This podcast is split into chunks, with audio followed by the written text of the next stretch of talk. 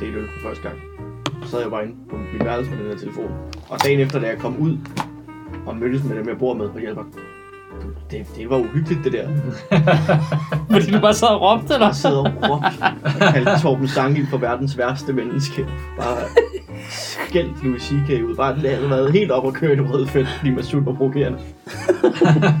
Og du var fuld. Og jeg var fuld. Har du lavet dig trigge af Masud? Jamen, fordi så begyndte han også at råbe på mig, fordi jeg begyndte at stikke sammen. Så jeg tror, altså det er virkelig en lorte afsnit af en podcast, fordi det, Det er bare jeg, to- der sidder og Vi sidder og skændes i to timer. Okay, det er et godt plot. På et tidspunkt ringer vi til Torben Sangil, for han kan, og så begynder jeg at skændes med Torben Sangil også. Men er det ikke bare øh, Nørgaard og Sofies podcast, det der?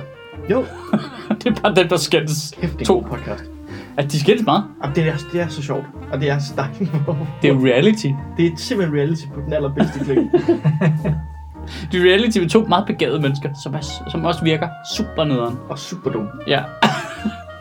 Der er ikke nogen af dem, der kommer rigtig godt ud af det, men man tænker, øh, øh, man gad ikke at være kæreste med nogen af dem. Men det er jo det, der fungerer, synes jeg. Det er, at ingen af dem forlader en optagelse og virker som altså et bedre menneske. Ej, vi, vi, vi, vi trækker alle sammen hinanden ned, ikke? Men Det, er også, det vil også være lidt en... Øh, det, er også tit, det er tit lidt nedere en serie eller film eller noget, hvis der bare er en oplagt held. Jo. Ja, ja, Der er det, lidt mere i det, når, når man godt både kan elske og hade begge to, ikke? ja, ja, lige præcis. Lige præcis. Min mand anbefalede mig, at man skulle høre et afsnit derfra, hvor at Sofie foreslår, at de skal øh, prøve at tale pænt til hinanden i podcasten. Fordi så kan det være, at de begynder at smitte af på, hvordan de taler til hinanden i virkeligheden. Og så Martin, altså på, uden at misse et beat her, så synes jeg, at vi skal begynde at bolle i podcasten. det er sjovt, jeg har hørt i podcasten nogensinde. Og det er også savage. Altså, det er brutalt jo.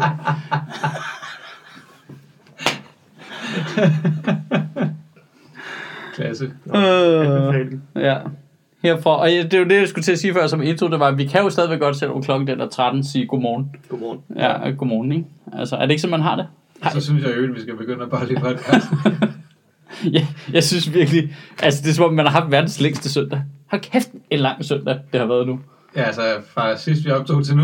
Nej, nej, jeg, jeg mener fra det her corona-show startede. Det er bare det vildeste søndag, det her. Jeg er begyndt at tage mig selv i, at når jeg vågner, at, at, at huske mig selv på, du skal lige tage noget almindeligt tøj på, og så har jeg noget, altså jeg har noget flad ud tøj. Ja. At jeg bliver så deprimeret af hver gang jeg går forbi et spejl eller vindue og kan se mig selv, bare sådan altid lige en, der er på vej i seng. Så nu er jeg begyndt. Okay, nu, Der synes du, tager tøj på. nu tager jeg tøj på. Og så har jeg så ikke gjort det i dag, hvor jeg skulle mødes med jer. Ja. Fordi, okay, det er faktisk, fordi det gør jeg faktisk også øh, tit, hvis vi skal ud. så tænker jeg, skal jeg, kan jeg køre? Rundt i underbukser. Ja, I går øh, gik jeg en hel tur med Masud i ført nattøj. Fordi jeg bare lige kom forbi. Ja. Og så, nå okay, jeg gider ikke skifte. Så det var bare, altså det, det, det er helt fucked. Det lyder koldt. Det var faktisk fint. det var da koldt i går, Ja. synes jeg. I solen. Jeg var ude med sådan nogle små spader, der, der ikke ville hjem igen. Jeg stod frygtelig koldt. Stod jeg bare og frøs med røv læse på en øh, beblæst legeplads. Dagligt. De bare løb rundt. Har du overvejet at efterlade dem? Ja, det var der oppe at vinde. De er jo også så store, så de jo selv kan komme hjem. Ikke. Jeg vil ikke bare sige til den store, at hun skal sørge for at få den lille med hjem. Og så... Jo, jo, men problemet er jo bare, at øh, i mange andre tilfælde vil jeg have en eller anden form for tidsbagkant, jeg kunne bruge som pression. Her ved de godt, der, altså, hvor, hvorfor skal du det? Bare sige, at jeg ikke gider mere. De, jeg fryser. jeg, gi- øh, ikke, ikke? Jeg vil bare sige, at du synes, det er koldt. Jeg Jo, kan, jo, i princippet jo, men øh, det, den køber de ikke altid. Nej, jeg bliver her. Oh.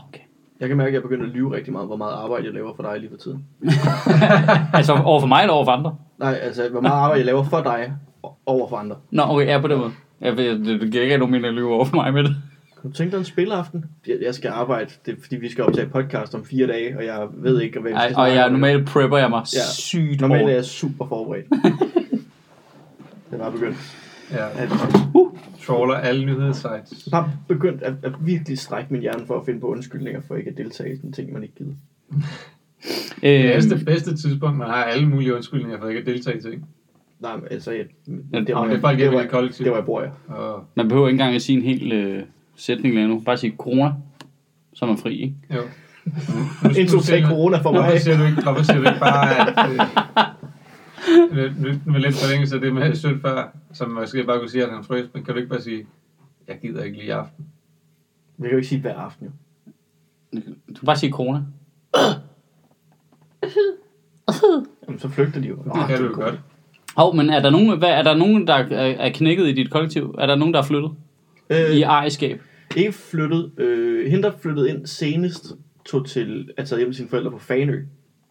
Fordi det er den mindst farlige ø at være på lige i øjeblikket. Ja. Den er ikke fyldt med turister og alt muligt andet. Nej, det er første Dragefestivalen. Og hvad med, I er ikke gået fra hinanden? Ej, overhovedet ikke. Det kører fint. Jeg er spændt på at se, om der er nogen, der gør det. Jamen, det, altså, jeg, altså taget i betragtning, at vi har været sammen i øh, snart 8 år, og så får man det her oveni, og sådan noget. Det kører fint, altså. Så skal der sgu nok en del til. Ja. Så skal Men vi har heller aldrig været sådan nogen, der skændes om ting. Nå nej, men det, det er jo ikke det samme som, at man ikke kan have hinanden i net. Nå, nej, det er rigtigt. Det kommer nogle gange af, at man ikke snakker sammen, Ja. men det, det er også meget gode til. Så. Okay. Og jeg er da glad for, at vi bor i hver vores lejlighed. Altså, det, det, kan, det, det, der, det, har der været, det har der virkelig været pengene værd i, ja. I sådan en karantæne her. Så det, det du siger, det er, at de, de uger, hvor I, begge, I har jo begge to, I er jo begge to deleforældre. Ja, og begge to børnefri samtidig. Ja, lige præcis. Ja. Men det er ikke altid, lige sover sammen i de uger, eller hvad? Nej, ikke alle det. Nej, det var det nu heller ikke i forvejen, skal siges. Nej. Altså, så på den måde, så er det jo sådan...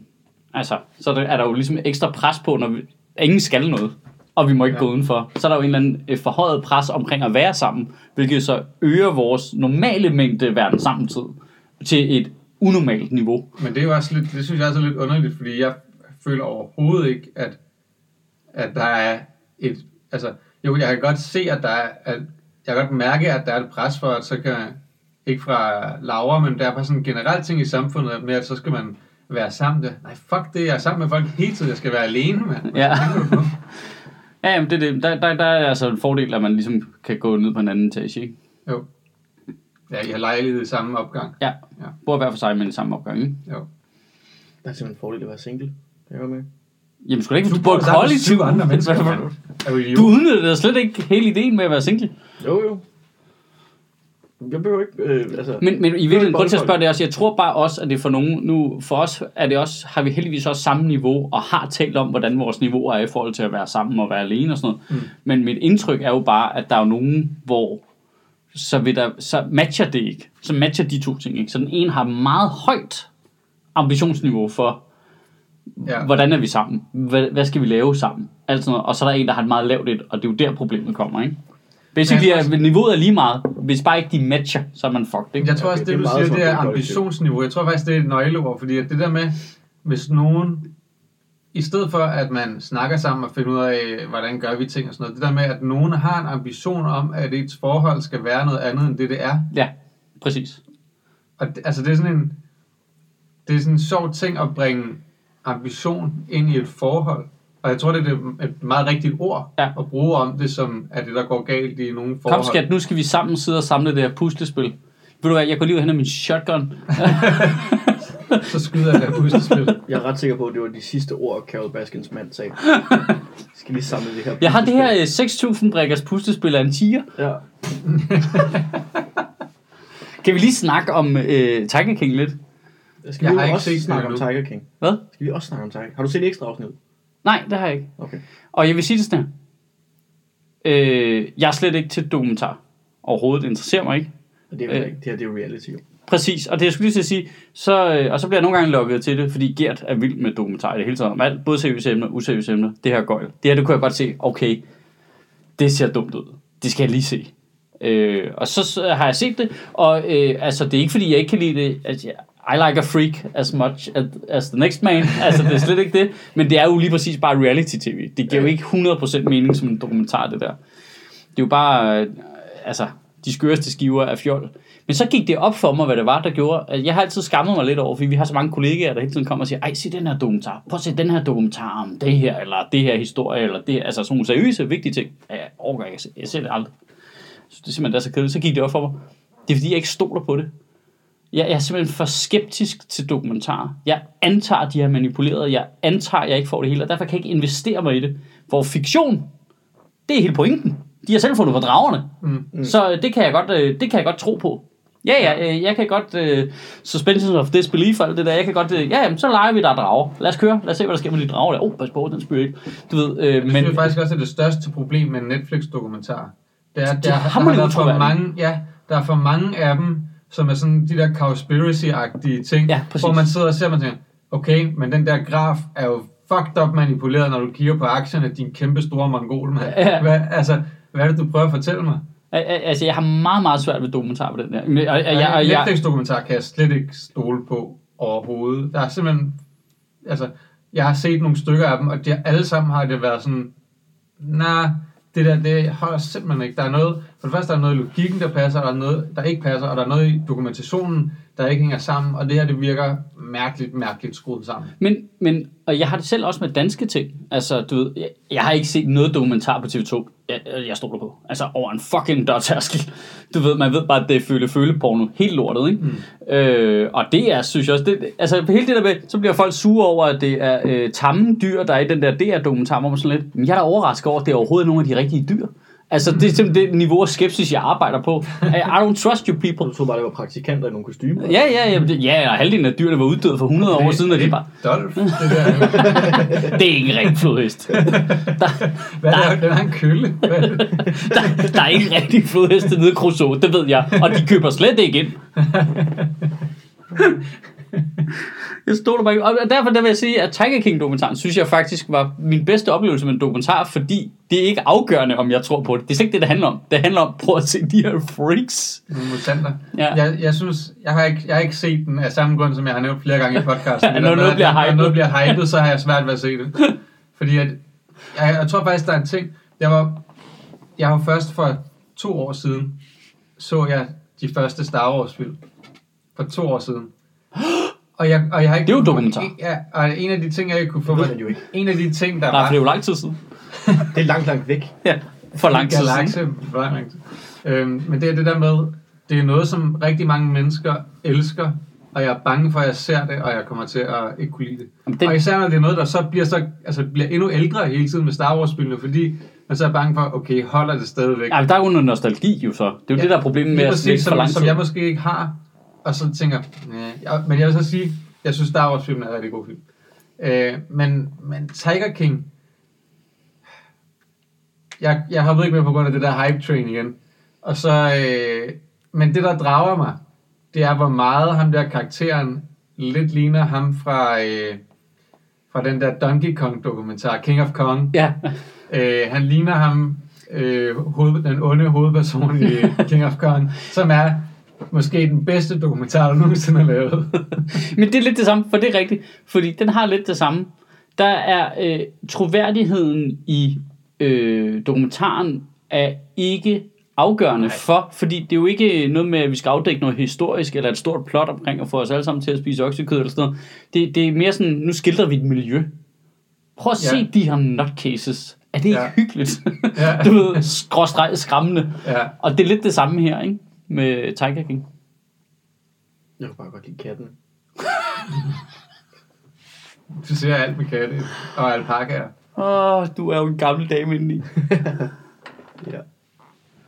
Nej, jeg ved det ikke. Jeg, jeg, jeg så det der, øh, nu spoiler jeg lige lidt. Jeg så øh, det der ekstra afsnit med Joel McHale, hvor han interviewer nogle af dem, der er med. Ja. Og så interviewer han ham, der, øh, ham med lange hår, der lidt ligner sådan... Med, Ham med solbrillerne hele tiden. Ja, og de Ja. fucked up tænder. Ja. Og så den måde, han interviewer For, på... du kan ikke sige ham med de fucked up tænder, for det har de Nå, alle ham, sammen. Ham, den anden har fået fikset sine tænder. Altså ham der uden tænder, der Ja. sidder bare overhop. Ja, han har fået fikset sine tænder. Okay. Så han har et almindeligt tandsæt nu. Men altså, de der dudes, du Men jeg kunne ikke slippe, jeg kunne ikke slippe ideen om den måde, han snakkede på, og den måde, han sådan havde sådan nogle... Altså den måde, han sad på, og den måde, da han blev spurgt, om han kunne lide Motley Crue, og så bare sagde jeg fucking hate. Jeg kunne ikke få Kim Skov ud af hovedet. øh, altså, han minder mig så meget om en bartender, der har arbejdet på Comedy Zoo, at det gjorde helt ondt. Men det er faktisk ikke helt forkert. Generelt meget personale på SU kunne godt minde om castet kunne Tiger King. Hvis jeg lige tænker mig om.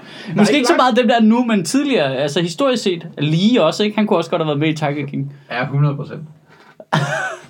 Ja, det gamle han, crew, er også, der- han er også en fantastisk karakter, jo. Ja, men der, der er gamle... Også det der med, han- hvor meget han elsker wrestling. Oh, altså, det jeg, det, var, jeg jeg, det der med, at jeg øh, har stået herinde i baren sammen med ham, hvor han bare stået og råbt, Lysstofrør er det fedeste våben!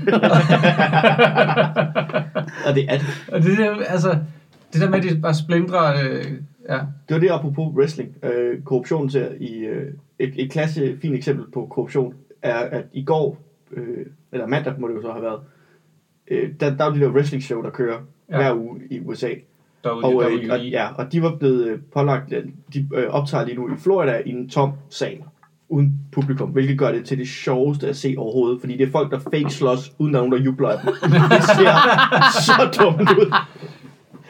Øhm, men så fordi Florida har lavet den der... Jamen, kapitalismen fungerer perfekt, hvis du spørger mig. De har lavet det der lockdown, så nu fik de at vide, prøv at I har til på fredag til at få optaget alt, hvad I skal bruge, og så er det bare øh, get out. Så lukker vi jeres øh, facilitet der. Og så fredag, øh, så har de øh, sagt, fuck det, det gider vi ikke. Vi, øh, vi er en essentiel øh, business for det her, for at overleve og sådan noget. Så, så, øh, så det havde de sådan ansøgt om, at kunne blive klasseret som essentiel business. Og så om mandagen, så guvernøren af Florida, han anerkendte dem som essentiel forretning under coronakrisen. Og hvad fik guvernøren for det? Jamen, det er nemlig det, fordi ham, der ejer WWE's kone, er Trumps Secretary of Labor, som lige har smidt en super PAC afsted, der gav Florida 18 millioner ekstra i broadcast øh, under nyhedscyklen. Så hun har, basically har hun bare givet 18 millioner til en guvernør, for at han lige så igennem fingre med, at der altså, er en essentiel business. og de spurgte ind til det, og så var der bare en eller anden talsmand for det der øh, sekretariat, der bare sagde, så kan jo ikke bare komme de der, I forbinder jo prikker, der ikke er der, hvor man siger, nej, vi forbinder to kæmpe store Hulk Hogan prikker, der står og råber uh, Corruption Brother, og bare altså prøver at få det til at fungere. Det, det er ikke så meget, som vi ikke for, kan forbinde prikkerne. Det, vi kan se, der er en meget lille linje, vi bare følger jo. Der, der er en 18 millioner kroner, eller dollars lang linje fra den ene til den anden. Mm. En til en. Jamen, Så nu fortsætter de med live hver uge af fake slås for 0 mennesker. Men ved du jeg så... Jeg har følger nogle øh, amerikanske nørdekomikere, som mødte derovre på et tidspunkt derovre. Og de er, de er vilde med wrestling, ikke? De har bare elsket det, siden de var barn. Og øh, de, der så bare nogen skrive, de så det der, ikke? Og, fuck, jeg var skeptisk. Men det var awesome.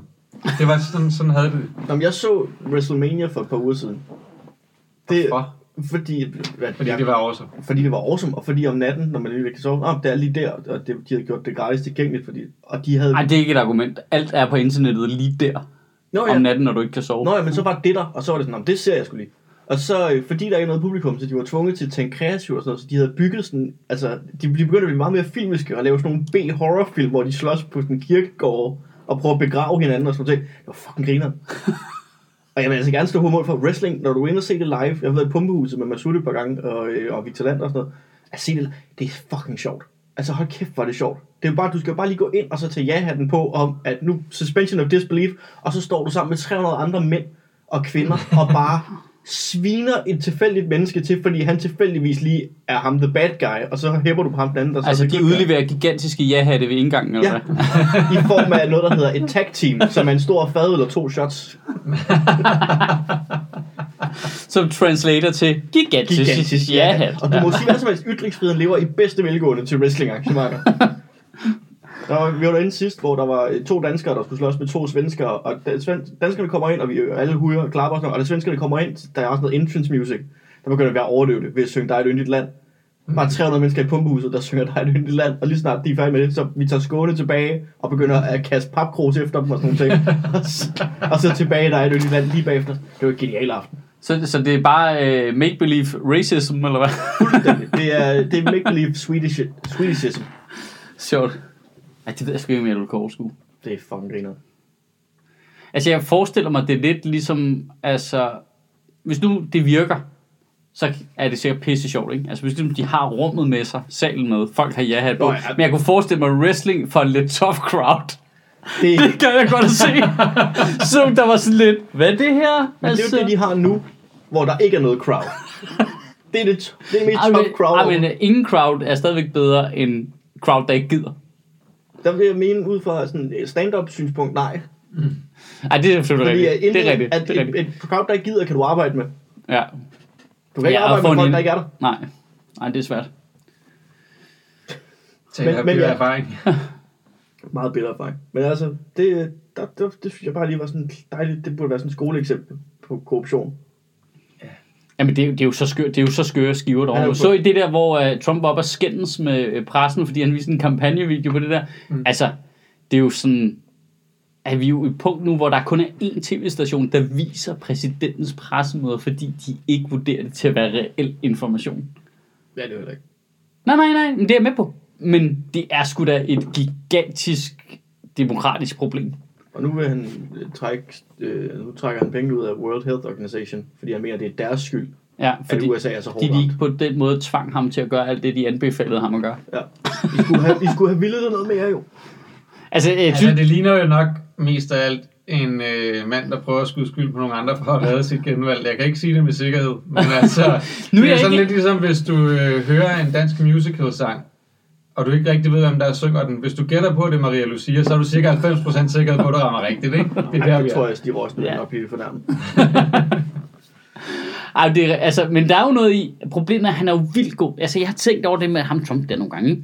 Jeg synes jo, han er vildt god til, at jeg er med på, når jeg siger god, så kommer det til at lyde som om, det er bevidst. Det ved jeg også godt, det, det tror jeg ikke, det er. Jeg tror, han, altså, han virker jo, der, han er jo psykisk syg i en eller anden grad, ikke helt åbenlyst. Men øh, han er jo ret god til at lægge sig op af noget rigtig kritik. For der er jo noget rigtig kritik af WHO i forhold til Kina, mm. og hvordan de har været Ja, det er som en relativt lidt kritisk over for, hvad for nogle tal, der kommer ud derfra. Vi kan jo alle sammen også godt regne ud, mm. at de tal, der kommer ud i Kina, det er jo bullshit. Mm. Du skal, jeg skal jo ikke være professor for at regne ud, vel? Altså, at de snyder på vægten af helvede til. Og der kunne WHO måske også godt være lidt mere offensiv, ikke? Ja, ja, det virker, altså, der har i hvert fald været en del kritik af, at de har været meget med fløjelshandsker over for Kina, ikke? Jo, lige præcis. Men hvad hedder det? Og det er jo fair nok. Mm. Men det er jo ikke det samme som, at det ikke giver nogen mening. Altså, at, at Trump på en eller anden måde giver WHO ansvaret for deres epidemi. Altså, han, han siger jo, at de skulle have gået ud og erklæret det for en pandemi tidligere, men at de ikke gjorde det, fordi at de ville beskytte Kina. Men en måned efter, de havde gjort det, sagde han jo stadigvæk, at det ikke var en pandemi. Ja, Ja. det er jeg godt klar over. Ja, ja. Altså, altså, han, der, altså, det er jo så dumt. Også det der med, det er jo ikke en organisation, der har nogen magt. Det kan jo ikke bestemme noget. De kan jo bare komme med en række anbefalinger, mm. og det har de jo gjort. Og så har han valgt selv ikke at følge dem. Det var noget med, at han specifikt sagde, at det der med at fly fra Kina til USA, øh, at WHO øh, sagde, at det ikke var et stort problem i starten eller midten af januar. Ja. Og det mener han var af, af, af der, hvor det er gået galt for dem, ikke? At Ja. det er der, smitten er kommet, og det er derfor, Men det... det er det jo ikke. Altså, det er, der jo, det er der jo nogle studier, der har vist, at langt det meste smitte, der er kommet i USA, er kommet fra Europa. Jo. Ja, ja, men det er jo lige meget, hvis du kan skyde skylden på nogle andre. Ja, ja, ja. Jeg tror, altså, altså, lige nu der er det jo bare, altså han kaster bare en masse lort op på Det er væggen, Maria Lucia-ting, sticks. ikke? Ja, jo, han scrambler bare. altså, Og så har vi Mette derhjemme, der bare synes, det går så godt. Det går så godt. Ja, fucking narfis er et pressemøde. så I, hvor meget så I? Hvor, hvor lang tid så Jeg I, så før I tappede ud? Jeg så indtil Jeg så hun det. øh, skiftede til Magnus Heunicke, fordi jeg hele tiden håbede, nu kommer der lige noget vigtigt til sidst. Og så da hun slog den over til sundhedsministeren, der var man sådan, ah, for fuck's sake. jeg så faktisk det hele, men det er også fordi, jeg havde tænkt mig, at jeg ville skrive en stribe om det. Ja. Øhm, og det var virkelig bare sådan, det der med, at du sætter noget op i starten og siger, vi kommer til at lave nogle, altså at løsne endnu mere op nu, fordi vi kan se, at det går så godt. Ja. Så man der kigger igennem, okay, okay, altså vil jeg gerne lige have, at vi sidder og lytter til Ja. ja. det her øh, kedelige ting, inden vi så kommer med, Ja. ja. her er den så. Her er og så bare så lidt sidst, så er der bare ikke. Det var ikke, Nå, og det, det skal vi så lige snakke med jer andre om, hvad der skal ske. Hvad? Det- Ja. Hvad? Hvad? Det virker super meget som om, at lige inden du gik på påske, altså sådan i gymnasiet, eller eller lige inden du gik på påskeferie, får du at vide, at du har en fremlæggelse tirsdagen efter påske, og du tænker, ja, der er lang tid til. og så er du på påskeferie, og du drikker snaps, og du spiser sild, og så møder du om tirsdagen, og sådan, ja, du har en fremlæggelse, og så ah, fuck, og så winger hun den. Det, det var virkelig påfaldende. Også, øh, altså, specielt taget betragtning af, hvor god hun egentlig har været på de andre. Øh, altså, man kan være enig eller uenig i, hvad hun har sagt, eller hvad de har gjort og sådan noget, men hun har jo været pissegod, synes jeg. At talerne har været ret gode. Der var specielt en af dem, der var virkelig god. Øhm, og det har været meget kontrolleret, og det har været meget præcist det hele, altså kommunikationsopgaven. Og her virker det som om, hvad har kommunikationsafdelingen fået corona? Eller hvad? Har er de, er de ikke, altså, hvad, hvad, Hun stod altså, og, snublede over ordene, Ja. og, hun, kunne- og hun havde, hun, hendes vejrtrækning var helt fucked. Jeg tror, at det er jo noget med, det er jo lidt ligesom, når man optræder, det ikke går godt, ikke? Så bliver du bevidst om, hun kan godt selv høre det. Det er jo det der med, at man kan jo skrive noget ned på papiret, som man tænker, det her det er skide sjovt. Du går i gang med at sige det, så kan du, du kan mærke det lige der, kan du mærke, det er det ikke. Fuck mig. Det kender jeg jo ikke til det. Du kan jo mærke det, imens du siger det. Nej, Det forklarer en del, Mads. det er altid sjovt. Jeg har aldrig oplevet det ikke. Jeg tror simpelthen, hun går, det går op for hende undervejs. Det er noget bras, det her. Jeg synes, jeg synes faktisk, at hun var meget god i går også. Altså, øh, Synes du, synes de der 23 minutter uden indhold, det var bare perfekt? Nej, men der var lidt sådan pep-talk over det og sådan noget, som jeg egentlig synes var meget godt. Altså det der med, hey, det går faktisk det går skide godt, og vi kan åbne mere op, vi skal bare blive ved med at overholde de her ting, og folk gør det. Altså, Jeg elsker jeg synes, der var nogle ting i det, som, som fungerede meget godt. Øhm, men jeg, jeg, jeg, har ikke, jeg har ventet med at nævne det her, mm. for jeg har lagt mærke til det, eller jeg har opfattet det sådan, fra den allerførste tale, hun holdt, og det kan jeg også godt forstå, det var sådan der, virker hun ikke ret følelsesmæssigt berørt, når hun står der? Altså, jeg synes, at hendes stemme knækker, sådan, og hun nogle gange stopper op, Mm, Altså, hun holder den meget godt, men jeg synes bare, at Hun jeg gjorde har lagt mærke til det i alle de gange, hun har stået der. jeg, jeg, synes, jeg, har, jeg synes, jeg har lagt mærke til, at hun har det der, hvor hun stiller hænderne foran sig i det der V. Så står hun og siger nogle meget computeragtige sætninger lige ud, og så er det som om, at der står på papiret, og nu er det tid til følelser. Og så virker hun indlevende. Og så går hun tilbage i computer mode. Øh, hvilket måske er meget smart måde at håndtere det på, vil jeg sige. Det er ikke nødvendigvis kritik. det, er fordi ja. hendes, øh, hendes to motherboards, de sidder i fingrene. Elektroderne, elektroderne Ja, de, de connecter derude. Jeg synes ikke, jeg lagt mærke til, at hendes stemme knækker. Nej, Jeg, synes, det gjorde det en gang. Den gjorde det, da hun snakkede om, øh, at vi var for nødt til at forlænge, og det var hårdt for de ældre. Der synes jeg, hun virkede meget sådan følelsesmæssigt berørt. Ja. At, at de ældre bringer et stort offer her. Ja. Prøv at gå, prøv Men en så gang så- at gå tilbage og se det første pressemøde igen, Ja. og tænke over det. Men jeg synes Fordi også, hun virker, og det kan jeg også godt, jeg vil faktisk, det vil jeg selv være, hvis jeg stod i en situation, Ja. og jeg godt vidste, det her det kommer til at betyde rigtig meget for rigtig mange mennesker, Ja. at vi lukker ned nu i to uger, og nok længere tid. Vi siger til dem to uger, det bliver nok længere tid, Ja. og der er, det går ud af rigtig mange. Jeg vil selv også være følelsesmæssigt påvirket, så det er ikke nogen kritik, men det er, jeg har bare, jeg synes bare, jeg har lagt mærke til det, hver gang jeg har set det, Ja. og det, ja, men jeg synes også, hun virkede det følelsesmæssigt er godt programmeret.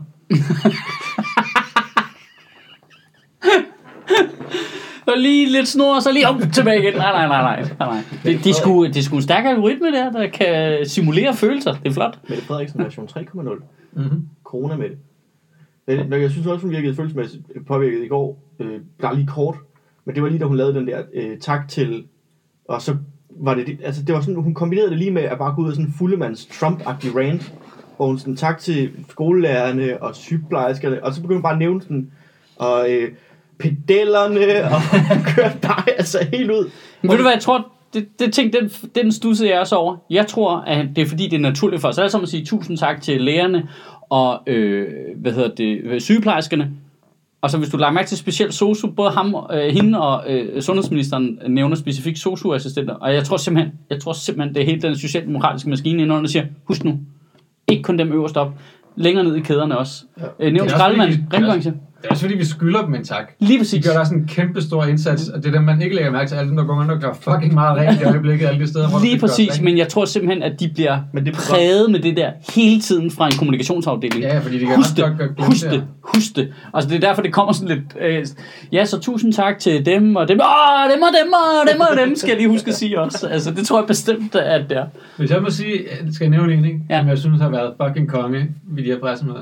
Det er Mogens Jensen, som er, han er vel så også fødevareminister Ja. eller et eller andet, ikke? De pressemøder, han har haft, ikke, hvor de har stået, han har bare haft sådan en fantastisk attitude af den der med, at han er, han er glad og positiv, og hey, det går, og vi skal nok få varer ud i butikkerne og sådan noget, og, og sådan lidt, øh, og sådan han er smiler, jo også- smiler, smiler lidt sådan, øh, lidt sjovt og sarkastisk, når han siger det med, at folk er hamstret og sådan noget, altså, hvor han- han, bare, han har haft et, en enormt overskud i det, som jeg godt kunne lide. Men han har også det nemmeste job. Han er snackminister.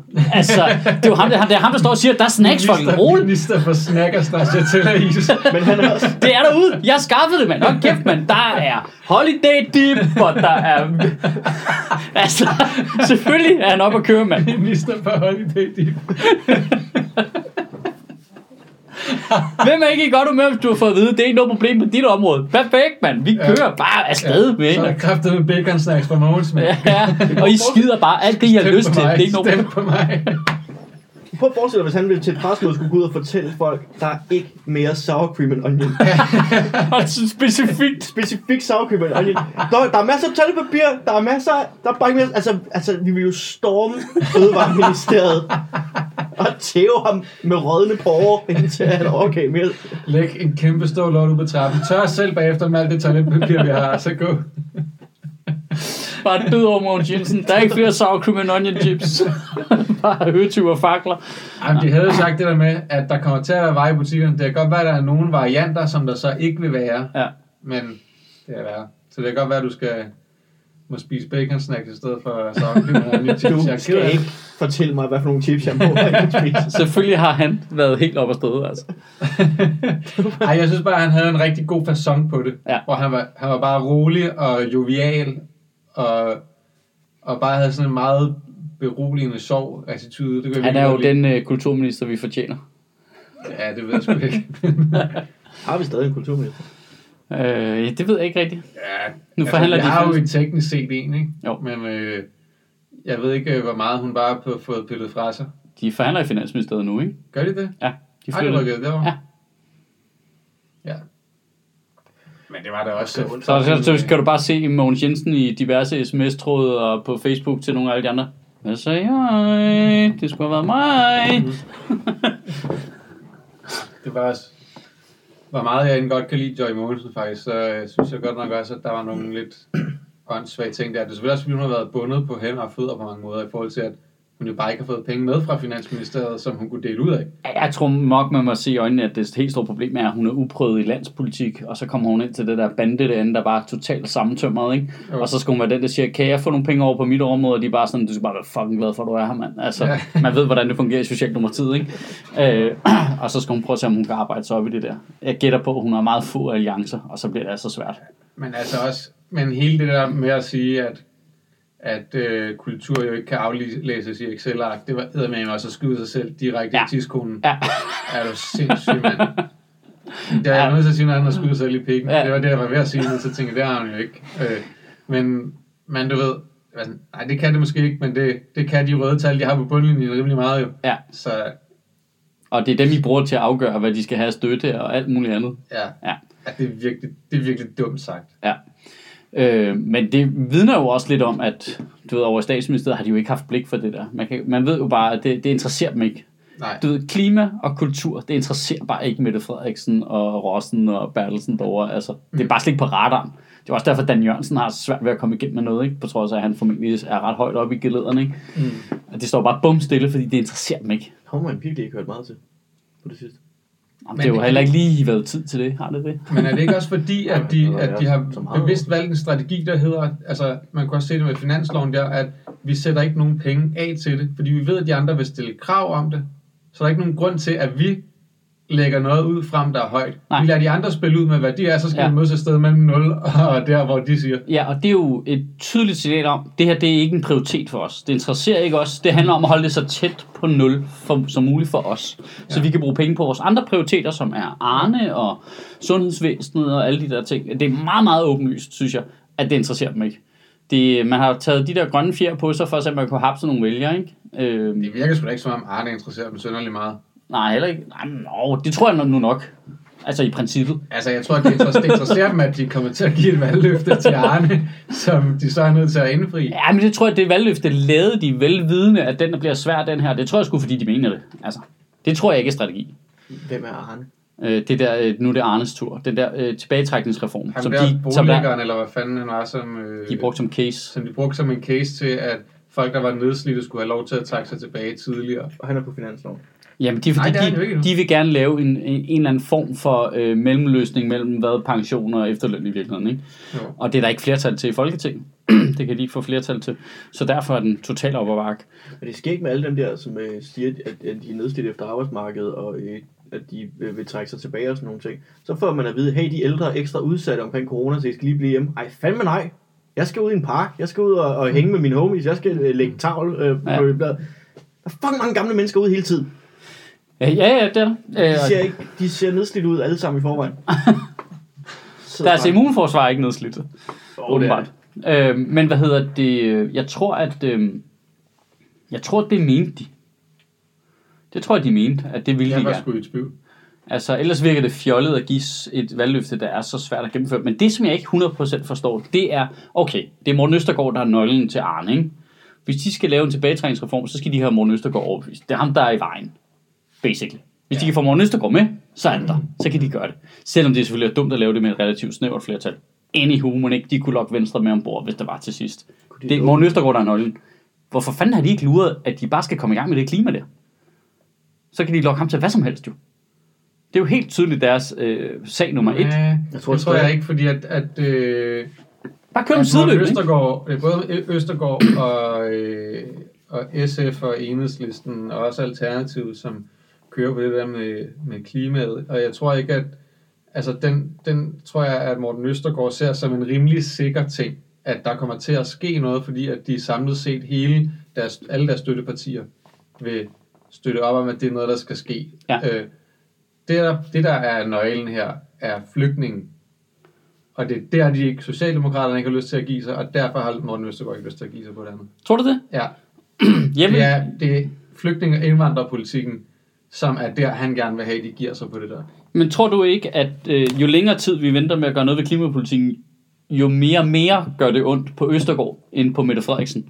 Så derfor så er han interesseret i, og det er også derfor, han siger, øh, vi vælter regeringen, hvis ikke vi kommer i gang til påske. Det Og så tror jeg- starter hun så selv en corona-ting for at aflede opmærksomheden, Det ikke? er jo tydeligt. Altså helt tydeligt. Men det, Øh, tror jeg, det, tror jeg, det tror jeg ikke, fordi at, at øh, befolkningen er med på klimatingen. Altså, det, der, der er folk med, og støttepartierne er. Er de der, det? der, i, Er de i, det? I en højere grad end det med flygtningen. og og der, jeg tror bare, at han godt kan se, at der er både et pres fra befolkningen og fra støttepartierne omkring, der skal ske noget på det her klimating, så der skal nok ske noget på de her klimating.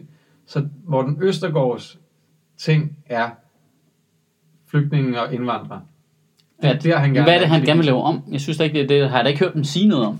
De vil gerne have, at vi tager flere flygtninge jo blandt andet. Nå, ja, okay, men det, jeg siger bare, det, er ikke, det virker ikke som deres mærkesag. Og så er der jo alle mulige ting omkring øh, øh, sammenføringer. Kan man, øh, kan man øh, som de siger, bo sammen med dem, du elsker? Og, Nå, mulige jamen, det er rigtigt. Der er de der der- er alle ja. mulige restriktioner, der er blevet øh, lagt ind i lovgivningen gennem de sidste 20 år for at, at begrænse, som de som et liberalt parti jo ønsker ikke at skal være der. Ja, det forstår jeg også godt. Jeg, jeg kender godt de klassiske forskelle, men jeg synes bare ikke, jeg har hørt dem nævne nogle af dem for nylig. Og det er i virkeligheden der, hvor det sjove det er, at- dem, de ting, som Morten Østergaard gerne vil på de områder der, er jo nogle bitte, bitte små ting. Jo. Ja. Det er jo bitte, bitte små ting. Og, øh, men det er så meget symbolpolitik for Socialdemokraterne, de ikke kommer til Ja, at give sig på det. Og det er derfor, han ikke kommer til at støtte det med Arne. Altså, jeg tror ikke, det er det med klimaet, fordi det, du tror, de det sidder og forhandler på de to andre der? Ja, fordi det med, det med klimaet, det kommer til at ske, fordi der bare er så meget pres fra alle steder, for at det skal ske. De kan ikke, altså fordi de kan ikke gå ud og sige, efter det, som alle kaldte et klimavalg, at, at, altså, at de kommer de ud efter en, efter en periode, og så er der ikke sket noget med klimaet, selvom de har haft magten, og de har haft en, alle støttepartier har presset dem for, at der skulle ske noget, for så er det kun deres skyld, der ikke er sket noget. Det, det kan de ikke komme igennem en hel regeringsperiode, hvor der ikke er sket noget med det. Jeg tror bare, at øh, minimum halvdelen af Socialdemokratiets øh, vælgere er ligeglade. Minimum. Minimum. Jeg skal ærligt sige, at jeg troede, at det var fordi, da de skulle forhandle om den her reform, altså for at få Morten Østergaard med, så var Socialdemokratiet bare dukket op og så sagt, øh, vi får det af jer, og så får du gratis tandlæge. Du Altså ikke, og jeg mener ikke som lovforslag, jeg mener dig personligt. Dig personligt, vi dækker din tandlægeregning, så du får fikset det gebis. Du kan ikke gå op i så bitte små ting alle andre steder, og så ikke gå op i dine bitte små tænder. Det, Og så tager vi os sgu da lige en lille reklamepause, fordi nede på Comedy Zoo, der har vi valgt at sætte Thomas Hartmanns sommershow i hele juli måned i salg. Og det tør vi godt, tror vi. Vi har diskuteret det meget. Øh, men vi satser altså på. Det ser ud som om alt går bedre nu. Langsomt åbner vi op igen. Og om to og en halv måned, der burde Comedy Zoo være i gang på den ene eller på den anden måde. Det kan være, der er alle mulige begrænsninger og restriktioner. Men så klarer vi det. Så nu tør vi i hvert fald godt sætte det i salg. Vi er simpelthen nødt til at få sat vores øh, maskine op i gear igen. I har brug for at komme ud og grine og hygge jer og få en bajer. Og vi har brug for at sælge nogle billetter, så komikerne har noget at betale husleje med. Ikke? Øh, det er jo nok sådan, det kommer til at foregå det næste stykke tid. Og sommershowet er heldigvis et show, hvor der er en masse komikere på. Thomas Hartmann er vært, der kommer alle mulige forskellige komikere. Alle dem, der sidder derhjemme og kedet sig her, og ikke har kunne komme ud og optræde, de vil elske at komme ud og optræde for jer nede på Zoo, øh, hvis I kommer ud i juli måned. Så det er på comedyzoo.dk, der kan man finde billetter til Thomas Hartmann sommershow, som ikke kun er Thomas Hartmann, som er masser, masser af andre komikere, og vi håber for helvede at se jer dernede, og hygge os, og spritte hænderne af, og drikke bajer, og have en fucking fed sommer. Please, kom nu! Og så har vi jo som altid vores dejlige samarbejde med Zetland. Og for det ikke skal være løgn, så har Zetland skulle været nogle øh, super good guys i øh, de her coronatider, og de har jo luret også i underholdningsbranchen, vi lider i øjeblikket. Så øh, normalt fungerede det jo sådan, at hvis du gik ind og lavede et prøveabonnement til Zetland inde på zetland.dk-ministeriet, så donerede Zetland 200 kroner. Men nu har de sat det beløb op, så i hele april måned, hvis du laver prøveabonnement på Zetland, så donerer de 300 kroner til Sjøtministeriet. Det er jo altså penge, jeg bruger til at betale Simon og Mads løn for, og Andreas, min producer, når vi laver talerne, og lydmænd og fotografer, når vi laver interviewsene og alt det her. Hvis du har lyst til at give en ekstra skæv, hvis du har plads i din økonomi, hvis du er en af dem, der ikke selv er hårdt ramt, så gå ind på øh, zland.dk-ministeriet, og i hele april måned, så donerer Zetland 300 kroner i stedet for 200 kroner til Sjøtministeriet.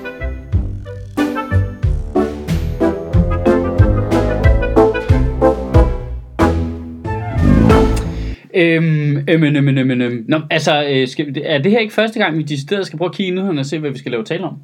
Tænker jeg. Fordi jeg er altså lidt træt af at snakke om det her corona noget, synes jeg. Eller... Vi kan jo snakke om øh, sådan alt muligt andet. Ja, det ved jeg ikke. Hvad sker der? Hvad foregår der? Men der foregår ikke rigtig noget andet. Men, men kunne det ikke være fedt at snakke om noget andet? Jo, det kunne det da. Øh, Altså, der er det der med øh, kæmpe stor øh, mamshul i skat. Den var I på i år, så du det? Ja, det så jeg godt. Men det, Nå, men de har kommer det bag på nogen efterhånden? nej, nej, men Altså, det var sådan rimelig, det var sådan, de havde lavet stikprøve, de havde, de havde nogle udvalgte brancher, Ja. de havde lavet nogle stikprøver i, ikke? Ja.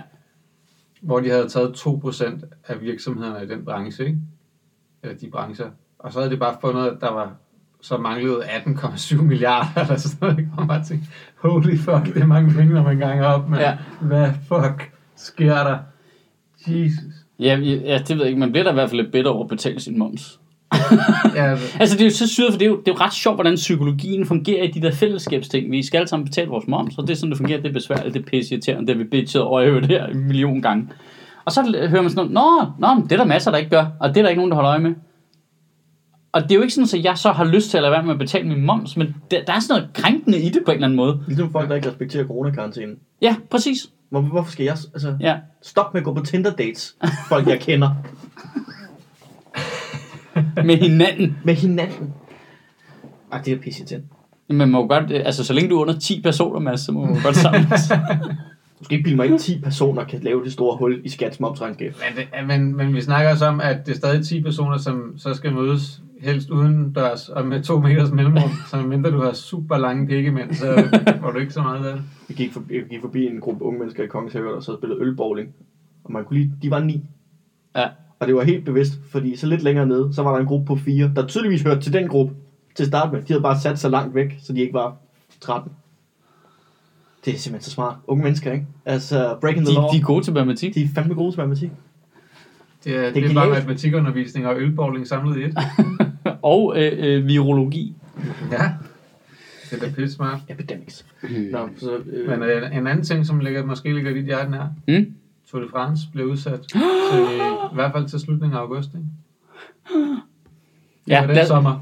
Ja. Efter at du lige har brokket dig over alle dem, som brokkes over, at der ikke var festivaler, ja. så Men det er bliver du ramt nu. Oh, ej, det er jeg da ikke brugt mig Nej. synes Altså, jeg. Det kan jeg godt forstå, folk hedder. jeg synes, det er vildt det med OL, EM. Jamen, Tour de France, det, det, Tour er de vigtigt. France. Det er vigtigere. Festivaler. Men det er jo bare- Det synes jeg, det er. Men ja, altså, hvad fanden skal man lave i juli måned nu, hvor man ikke kan ligge indenfor og se sport, fordi det er for varmt til at gå udenfor? Vi skal, Altså, altså... er der ikke noget sport, der kommer til at blive åbnet op igen her snart? Men jeg det, synes, hvor de bare kører Tour de France som... Kunne de ikke bare køre Tour de France kun som enkelt start? Start. Enkelt starts Tour de France. Enkeltstarts Tour de France. Hvor åh, vi starter en om dagen, Ja. og så skal du bare se... Nej, nej, de kører, de kører, at du ved, med de der to minutters mellemrum, ikke? Øh, og så kører de bare hver etape sådan, ikke? Og så måler vi op mod hinanden hele tiden. Jeg synes, det er sjovere at sige, at nu starter du, og så ser man bare, hvem der hurtigst kommer til Paris. Ja, ja, ja, og du må ikke bruge GPS. Og du skal ikke køre ruten. Og, og, det, og det, Du kører bare. ligesom den der, øh, Find vej. De lavede den der toeren til øh, øh, Seven Days in Hell, hvor det handlede om øh, Tour de France. Ja. Ja. Altså, hvor de bare virker som om, ja, men vi er kun fire, og øh, det gælder bare om at komme først til Paris. Og der er en af dem, der bor på en farm i, øh, og man kan køre i alt for lang tid og kommer alt for langt bagud. Det vil jeg gerne have. Det er bare det er Tour de France. Hvad er det, den hedder? Øh, Tour de Pharmacy, eller, eller Tour de- Pharmacy Road. Ja, Pharmacy ja. Road. I øvrigt, jeg, jeg synes, jeg var ikke så vild med Pharmacy Road, men øh, vi har godt lige smidt en anbefaling på Seven Days in Hell, Ja, som er Jeg en fantastisk sjov film, og den er, er den, hvad er den 50 minutter eller sådan noget. ja. Men det er øh, Andy Samberg. Den er cirka, øh, cirka dobbelt så lang som Mette Frederiksens intro til pressemødet. Ja. Det, det er Andy Samberg og øh, Kit Harington. Kit Harington, der spiller Jon Snow i øh, Game of Thrones, som er to altså retarderede tennisspillere, som spiller verdens længste tenniskamp. og så, så hører man hele deres historie, og Andy Sambergs karakter, han er the bad boy of tennis, og, og adoptivbarn i uh, Williams-familien med Serena og Venus Williams. Han er deres adoptivbror. det, er, det er så fucking retarderet. Nej, det er da sjovt. Jeg, jeg, De jeg der var dumme ikke- sportsfilm, de kan altså Jeg var eller heller ikke så vild med Pharmacy Road første gang, men så så jeg den anden gang, og så synes jeg faktisk, den var bedre. Altså okay. ikke, ikke en, en Seven Days in Hell, men altså anden gang, hvor man sådan, Mm. det var fordi, man havde så høje forventninger til den, efter Seven Days in Hell. Den er ikke lige så god, men den, er, den holder stadigvæk fint, synes jeg. Det er måske det også, fordi det er en sport, man elsker mere. Åbner jo med, at Orlando Blooms pik eksploderer på vej ned ad et bjerg. Altså, hvordan er det ikke?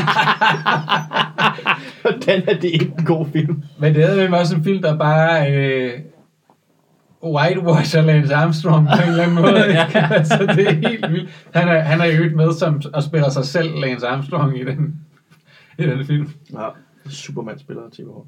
Nå. Vi kan lave et portræt af Emma Watson, der bliver 30 i dag. Nej. Mads, du skal ikke prøve at putte dit Harry i, øh, Hun er jo ikke Harry Potter længere. Nu er hun jo en øh, altså, Stærk feministisk, stærk feministisk øh, ikon. talskvinde, Ja, Hun er der, jo- der kan trylle, ikke? Der kan trylle. Men det er jo det, man fandme også nødt til, hvis du vil have ligeløn på et tidspunkt. Ikke? Ja, der skal det... Det er bare tryl, ryl, ryl. Equalimus øh, Pelius. Aktiv ligeløn. øhm, jeg ved sgu ikke, hvad, det, det kan også være, det virker mærkeligt at snakke om noget andet, så kan- kan man snakke om, om nogle afarter af det på en eller anden måde. Altså, man kan jo snakke om, at verden ikke er gået under, fordi at nogen er startet i skole igen. Øh, ikke skal, vi lige, skal vi ikke lige vente og se? Ja, de er ikke rigtig startet endnu. De starter Det er i ikke for at gribe øh, øh, begivenheder. Nej, ved du, der ligger til gengæld også noget. Der er Jeg synes, nogen, der er ned. har I lagt mærke til, at der har været sådan en mærkelig diskussion, sådan, øh, sådan i sådan lidt i noget meningsstanderunivers, lidt på Twitter, lidt på, jeg ved ikke, jeg kan Lidt ikke på TikTok. Ja, lidt på TikTok, hvor vi sidder og diskuterer politik. Øh, følger I Søren Pinds TikTok-profil? Nej. Men det var en virkelig sjov sætning. Ej, jeg kan ikke holde den. Øv. Det havde jeg været verdens bedste... Øh. Det var sjov sætning. Det er pænt. Det er bare ham, og ham der lægger billeder op af Reagan-statuer. Nej, bare ham, der øh, mimer til Reagan taler. øhm, det, jeg synes, der kom en mærkelig diskussion, hvor de blev sådan noget meget mere offentligt ansatte mod privatansatte og omvendt. Mm. Sådan en mærkelig diskurs omkring, nå ja, så kan alle de privatansatte bare lære at se, at det er faktisk øh, de offentlige ansatte, der holder det hele oppe. Har. Sådan, hvor man ja, ja, det er jo ikke helt rigtigt jo. Nej. Altså, det er, jo, det er jo virkelig problematisk, at folk har, Så vi skal alle sammen bare være offentlige ansatte, eller hvad? Jamen, det er det, jeg synes, der, der, er- det er et irriterende sted at putte identitetskampen ind. Altså, Ja. jeg, forstår godt, det kommer over det hele, og vi kan ikke gøre noget ved det, og det er fucking belastende, ikke? Men det der med, så tager du identiteten som offentligt ansat på sig. Altså, ikke dit job, men selve det, at du er offentligt ansat, og så gør du det til en værdi i sig selv, og så bekriger du dem, der ikke har den værdi. Og det er jo bare så forkert, og så skadeligt, og så ekstremt ubrugbart, ikke? Jo, især når man tænker over, at det er jo... Altså, at de privatansatte betaler ind til statskassen. Ja, lige præcis. Ja, lige præcis. Og de privatansatte ville have meget dårligere mulighed for at gøre det, hvis ikke der var et offentligt system ja, det til hænger, at... op, det hænger jo sammen jo. Hold vi har jo lavet en, øh, på mange måder, altså, på mange måder nærmest verdens bedste balance Ja. omkring det der, ikke? Jo. Altså, Og det er bare- at lave en offentlig sektor, der virkelig understøtter den private sektor godt. Ja.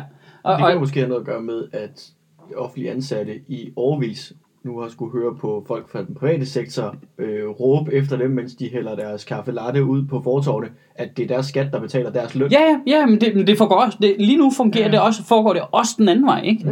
Ja. Øh, så nu er erhvervslivet i gang, så vi kan betale til... Jamen, det fungerer ikke 100% sådan, altså. Mm. Du ved, øh, og jeg, jeg forstår også godt, der har jo også været en politisk diskurs længe, som øh, og specielt blev farvet af, at Helle Thorning Schmidt virkede til at adoptere den også, den der borgerlige idé om, at øh, der skal bare være så mange privat som muligt, og så få offentligt ansat som muligt, så er det godt i sig selv. Fordi det, vi kan bare godt lide den ene slags og ikke den anden Det er slags. fuldstændig åndssvag tankegang. Altså, det, Det er helt umuligt. Det er sådan set ligegyldigt. Altså, fordi de, de udgifter til det er der uanset. Så det er fuldstændig ligegyldigt, hvordan vi vælger at betale det, basalt set. Ja. Det er så dum en idé, altså, idé at have. Ja, ja, du tænker servicen. Ja, ja, fordi der skal jo være øh, daginstitutionerne alligevel jo. Nå, men Vi har, jo, argumentet... vi har jo udgifterne til daginstitutioner alligevel, uanset om de er offentlige eller private. Ja. Og til skoler, uanset om de er offentlige eller private. Altså, det er jo ikke bare fordi, du putter dem over i en anden kategori og siger, "Nå, nu er det jo nu er det private skoler, eller nu er det private daginstitutioner. Så er det pludselig øh, nogen, der på en eller anden måde skulle bidrage mere til samfundet. Det tror, det tror jeg er ideen. Ideen er jo, at... Ja, på det, jeg ved, forstår godt, at det fungerer i et eller andet Excel-ark, hvor det bidrager til noget BNP på en eller anden måde. Men det er jo bare, altså, det er jo fiktivt. Men ideen er, at de kan gøre det mere effektivt, de kan bruge flere penge, de kan lave flere arbejdspladser, det kan bare, bare, bare, bare. Hvilket jo også, også er rigtigt. Det er jo også rigtigt, at, du ved, at det er der en masse, stor del af det private erhvervsliv, der gør, øh, som vi jo alle sammen her er en del af, jo ikke? Øh, men der er bare noget... Øh, du skal da ikke på offentlig forsørgelse, Mads. Nej, det vil jeg ikke. Ikke endnu. Du, øh, du bliver da betalt af det private firma, Sjøtministeriets CVR-nummer. Nå ja, Altså, jeg vil også mene, det var, altså, det er form for... som så tigger pengene hos lytterne. Jamen, men det er altså... men det er jo jeg, mener, stadig, jeg mener, jo, at det vi er jo stadig er privat, på jo ikke? den, altså, den mest basale form for offentlig forsørgelse, hvor vi siger, kan I ikke sende nogle penge til offentligheden? Ja, ja, jeg vil sige til offentligheden, kan I ikke... Jeg vil lige, og jeg vil også lige Men det er det der med, hvor det- meget anderledes er det end politikken. Du ved, altså, Mm. om du har et abonnement på politikken, på politikken, eller du har et abonnement på Søgministeriet, hvor at du så bare selv vælger, hvad du vil betale. Jamen, det er jo også to private virksomheder, hvor den ene så er øvrigt for statsstøtte, ikke? og den Ja. anden ikke gør. Mm, Øhm. Ja. men ellers fuldstændig samme omfang, størrelse, beløb. Og Jeg sådan vil lige sige, altså, Ja. hvis, Cirka hvis, samme vi gør, hvis vi gør forskel på, øh, altså, at dem, der går på, øh, altså, er i offentlige institutioner og private institutioner. Altså, som en, der kommer fra et privat gymnasium, vil jeg da også føle mig, altså, sige, jeg er væsentligt bedre, end alle, der nogensinde har gået på et offentligt gymnasium. Altså, det er da det eneste, jeg har der for mig op om morgenen, det er, at jeg ved, at jeg er bedre end jer. Men hvordan er et privat gymnasium? Altså, så betaler forældrene for det. Ja. Men Men, eller, kan- med mindre man, er, med mindre man, øh, man lige, øh, at det er sådan et privat gymnasium, der også har en privat folkeskole, hvor man lige gik i 8. og 9. klasse, og lige præcis gjorde det godt nok til, at de sagde, hvad med, at du fortsætter hos os i gymnasiet, og så får du betalt skolegang. Og så Men- siger men man nu siger jeg ja, betalt. og så bliver man smidt ud af første efter et halvt år, og så lige pludselig bliver det rigtig meget dyrere at fortsætte. Men, men, men, men, men men at, at, altså, er det fungerer det lidt ligesom en friskole, altså hvor man betaler et lille beløb, og så betaler staten resten, eller er det rigtig privat? Øh, det er rigtig privat. Altså hvor det er 100% finansieret af forældrene? Jeg ved ikke, om det er 100% finansieret, fordi ham, der var rektor, han endte også op i en, da han øh, stoppede og gik på pension, endte han op i en helvedes masse sager omkring underslæb og sådan noget. Det, det kan vi ikke grine af, han døde i forgårs. Så det, kan må vi ikke. grine af. Ja. Øh, Men øh, det, øh, Ikke at men, han døde, men altså... Det, men øh, Det er jamen, sådan er det at drive privat virksomhed. Jeg synes, der skal skæres nogle hjørner. Jeg ved sgu ikke, hvor meget, øh, men det var også noget med, at du betalte, jeg tror, per elev fik du, altså det kostede 1000 kroner om måneden, tror jeg, at gå der. Så de, der må have været noget andet jo. De har jo ikke drevet en skole for... Nej, men de har, men det har været ligesom en friskole. Ja. Det vil sige, at staten har betalt øh, 83 procent af det. ja, et eller andet ret stort beløb. Det er jo, Ja. altså på Det- mange andre steder, der får man jo bare det beløb, som du havde haft på, i en, i en øh, offentlig børnehave, så får du det med over i den private børnehave, og så betaler du et eller andet ekstra, eller hvad man skal sige.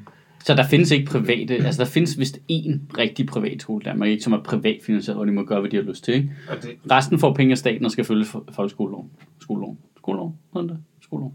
og i øvrigt er mange institutioner jo private, selvejede Ja, selvejede. institutioner, ikke? Jamen, der er lidt sjovt, fordi man kalder det friskoler eller privatskoler, hvis man vil tænke det dårligt. Øh, men institutionerne, den kalder man selvejende, og der skiller vi på en eller anden syd måde ikke mellem de to ting. Nej, Øh. altså alle, jeg tror alle landets øh, handelsskoler for eksempel, handelsgymnasier, de har altid været selvejende institutioner. Ja. Og det er Det- meget normalt for øh, børnehaver og vuggestuer i Indre København at være selvejende, ikke? Og så, Jo, er der nogle, jo, jo. og så er der nogle få rigtig offentlige, som er drevet af kommunen, ikke? Hvor alle de forfærdelige børn er. Mm, de er typisk dem med de bedste faciliteter, faktisk. Dem, der er drevet af kommunen, værste ikke? børn. Øhm, de, de værste børn har de bedste faciliteter, men det er nok meget godt. Mm, det, typisk. det tror jeg nu heller ikke er tilfældet. Jeg tror, det er nok at gøre med, hvor man, hvornår, man, hvornår man kan få pladsen. Ikke? Ja, Fordi, det det er jo, fordi det jo, jeg tror, der er mange, der ikke er klar over, at de har haft et barn gående i en selvejende øh, børnehave, for eksempel. Fordi det bliver pladsfordelingen har Ja. dem alle sammen indenunder sig som paraply, så du kan ikke se forskel på dem. Du skal bevidst vide det, ikke? Jo, jo. Øhm, Det, altså, det er jo ikke, det er ikke noget at tænke over, tror jeg. Der Nej. er vel ikke særlig mange. Men det er ret sjovt, fordi lige når det kommer til skoler, så tænker man åbenbart meget over det, ikke? Jo, Så men det er det- også meget sjovt det der med, at man skældner mellem, at, at det er privat- og friskoler. Sådan det der med, at privatskoler lyder meget højreorienteret, og friskoler lyder meget øh, halal hippie venstreorienteret. Ja, men mit indtryk er, altså nu går mine børn på en friskole. Det er, der startede af de mest venstreorienterede mennesker, der du kunne støve på planeten en gang i 70'erne. øh, og det er jo ikke det samme med alle friskolerne i Indre København. Så er der et par stykker af dem, som har en lidt mere højreorienteret ry, ikke? hvor det handler om at få gode karakterer og sådan noget. Men i gennemsnit af friskolerne i København har de jo et lavere gennemsnit end de offentlige folkeskoler. Fordi de fokuserer ikke på det. De har nogle andre værdier, ikke? Og det er jo typisk derfor, man skifter over i en friskole. Det er fordi, man ikke vil have, at ens barn bliver testet i hoved og røv, ikke? Mm. Øh, men der er jo så nogen, der har en politisk idé om at bruge det, motivere det modsat, ikke? Altså Socialdemokratiet og Enhedslisten bruger det jo meget til at sige, de kalder det privatskoler, selvom det ikke er det. Det er en friskole. Mm. Øh, og så bruger man det til at give det sådan lidt Nordsjællands ry, hvilket er totalt uretfærdigt. Men der er, det er jo sådan i Nordsjælland. øh, lige normalt, kreative øh, klassefolk som dig.